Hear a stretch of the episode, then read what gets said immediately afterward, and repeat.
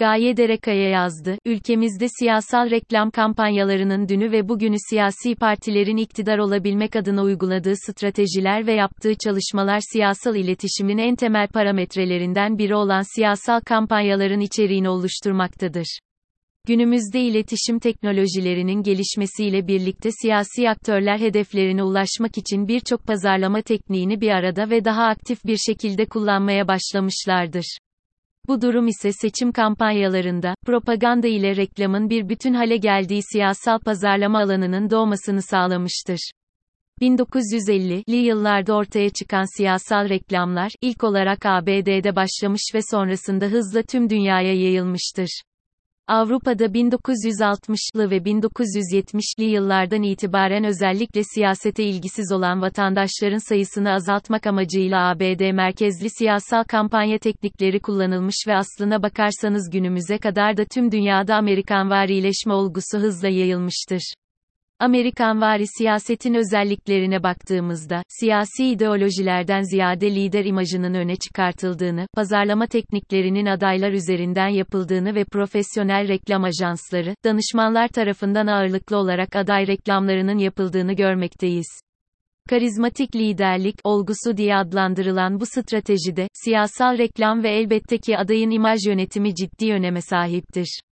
AMERİKAN ve ARİ siyasetin Türkiye'deki etkisi Amerikanvari siyasetin Türkiye'deki siyaset pratiğine uyarlanması 1980'li yılların ortalarında başlamıştır. Karizmatik liderlik olgusunun siyasi arenadaki yerini bulması ise 2000'li yılları bulmuştur. Örneklemeler üzerinden gidecek olursak, Türkiye'de seçim kampanyalarının Amerikan varileşmesi ilk olarak, 24 Ocak kararları ile bağlantılı gerçekleşen deregülasyon politikaları doğrultusunda, siyasi partilerin televizyonlarda ücret karşılığı reklam yayınladığı 1983'te başlamıştır. 1991 yılında da Mesut Yılmaz için yapılan lider odaklı kampanya çalışması ile sürmüştür. Yine aynı yıl genel seçimlerde partilerin büyük reklam ajanslarıyla anlaşarak yürüttükleri çalışmalardan dolayı da bir dönüm noktasıdır. Fakat Özal döneminden sonra Türkiye'nin siyasi hayatında yaşanan koalisyon gerçeği ve koalisyon hükümetindeki partilerle, bu partilerin liderleri arasında meydana gelen anlaşmazlıklar siyasal reklam kampanyalarının bir süre askıya alınmasına neden olmuştur. Karizmatik liderlik olgusunun yükselişi ülkemizde Amerikan varileşmenin siyasal propaganda ve karizmatik liderlik olgusuyla birlikte en üst seviyeye çıktığı dönem Adalet ve Kalkınma Partisi'nin iktidara geldiği 2002 yılıdır. Türkiye siyasal hayatını düşündüğümüzde, Adalet ve Kalkınma Partisi, Amerikan varileşme sürecinin seçim kampanyalarında somut bir şekilde gözlemlenebildiği ve karizmatik liderlik olgusunun zirveye ulaştığı dönemin en güçlü temsilcisidir diyebiliriz. Örneklerle Adalet ve Kalkınma Partisi Adalet ve Kalkınma Partisi'nin siyasal arka planına bakıp durumu birkaç örnekle daha iyi somutlaştırabiliriz. Şöyle ki, Recep Tayyip Erdoğan'ın okuduğu şiir nedeniyle 10 ay hapis ve ömür boyu siyasetten men edilme cezası sonrası halk, Erdoğan'ı mağdur olarak kabul etmiştir. Böylece Erdoğan halkın kendisine sempati duymasını ve bir halk kahramanı olarak anılmayı başarmıştır. Bir diğer örnek ise, Adalet ve Kalkınma Partisi'nin, Türkiye'nin Yüz Akı, başlığıyla hazırlanan siyasal televizyon reklamıdır. Reklam filmi, biz Türkiye'nin dünü, bugünü ve yarınıyız cümlesiyle başlamakta ve Erdoğan'ın miting görüntüleriyle halkla kucaklaştığı karelerle devam etmektedir. Birbirinden farklı Anadolu ezgilerinin yer aldığı bir müziğin tercih edildiği reklamda, binlerce vatandaşın yüzünün bulunduğu fotoğraflar birleşerek Erdoğan'ın yüzünü oluşturmaktadır. Bu durum birlik ve beraberlik vurgusu ile birlikte herkesi kucaklayan bir mesajı da temsil etmektedir.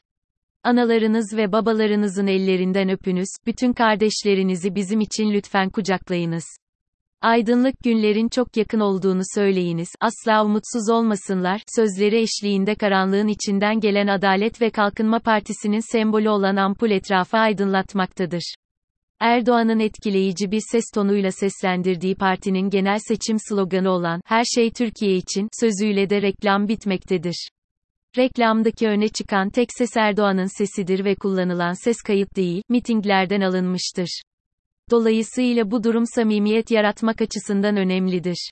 Nokta. Reklamda ayrıca profesyonel stüdyo görüntülerine yer verilmemiş, miting görüntüleri kullanılarak doğallık sağlanmıştır. Sadece liderin, halkın yüzleri tarafından oluşturulan fotoğrafı kullanılmıştır. Bu da, karizmatik lider, olgusundan hareketle liderin partiden daha ön planda tutulmak istenmesinden kaynaklanmaktadır. Partiler artık PROPAGANDALARINI karizmatik lider olgusu üzerine oturtuyor gördüğünüz üzere Amerikan vari siyasetin olmazsa olmazlarından karizmatik lider olgusu geçmişten günümüze tüm dünyanın zamanla başvurmak durumunda kaldığı kendine özgü propaganda teknikleri olan ve doğru uygulandığında ilgili partiyi iktidara getirebilecek etkinlikte bir strateji şeklidir. Günümüzde artık siyasi partilerin tamamına yakını bu stratejinin önemini benimseyerek seçim propagandalarını karizmatik lider olgusu üzerine oturtmaktadır. Bundan emin olmak için Cumhuriyet Halk Partisi Genel Başkanı Kemal Kılıçdaroğlu, İyi Parti Genel Başkanı Meral Akşener ya da Milliyetçi Hareket Partisi Genel Başkanı Devlet Bahçeli'nin son zamanlarda benimsemiş olduğu siyasal pazarlama tekniklerini bu anlattıklarım özelinde göz atmanız yeterli olacaktır.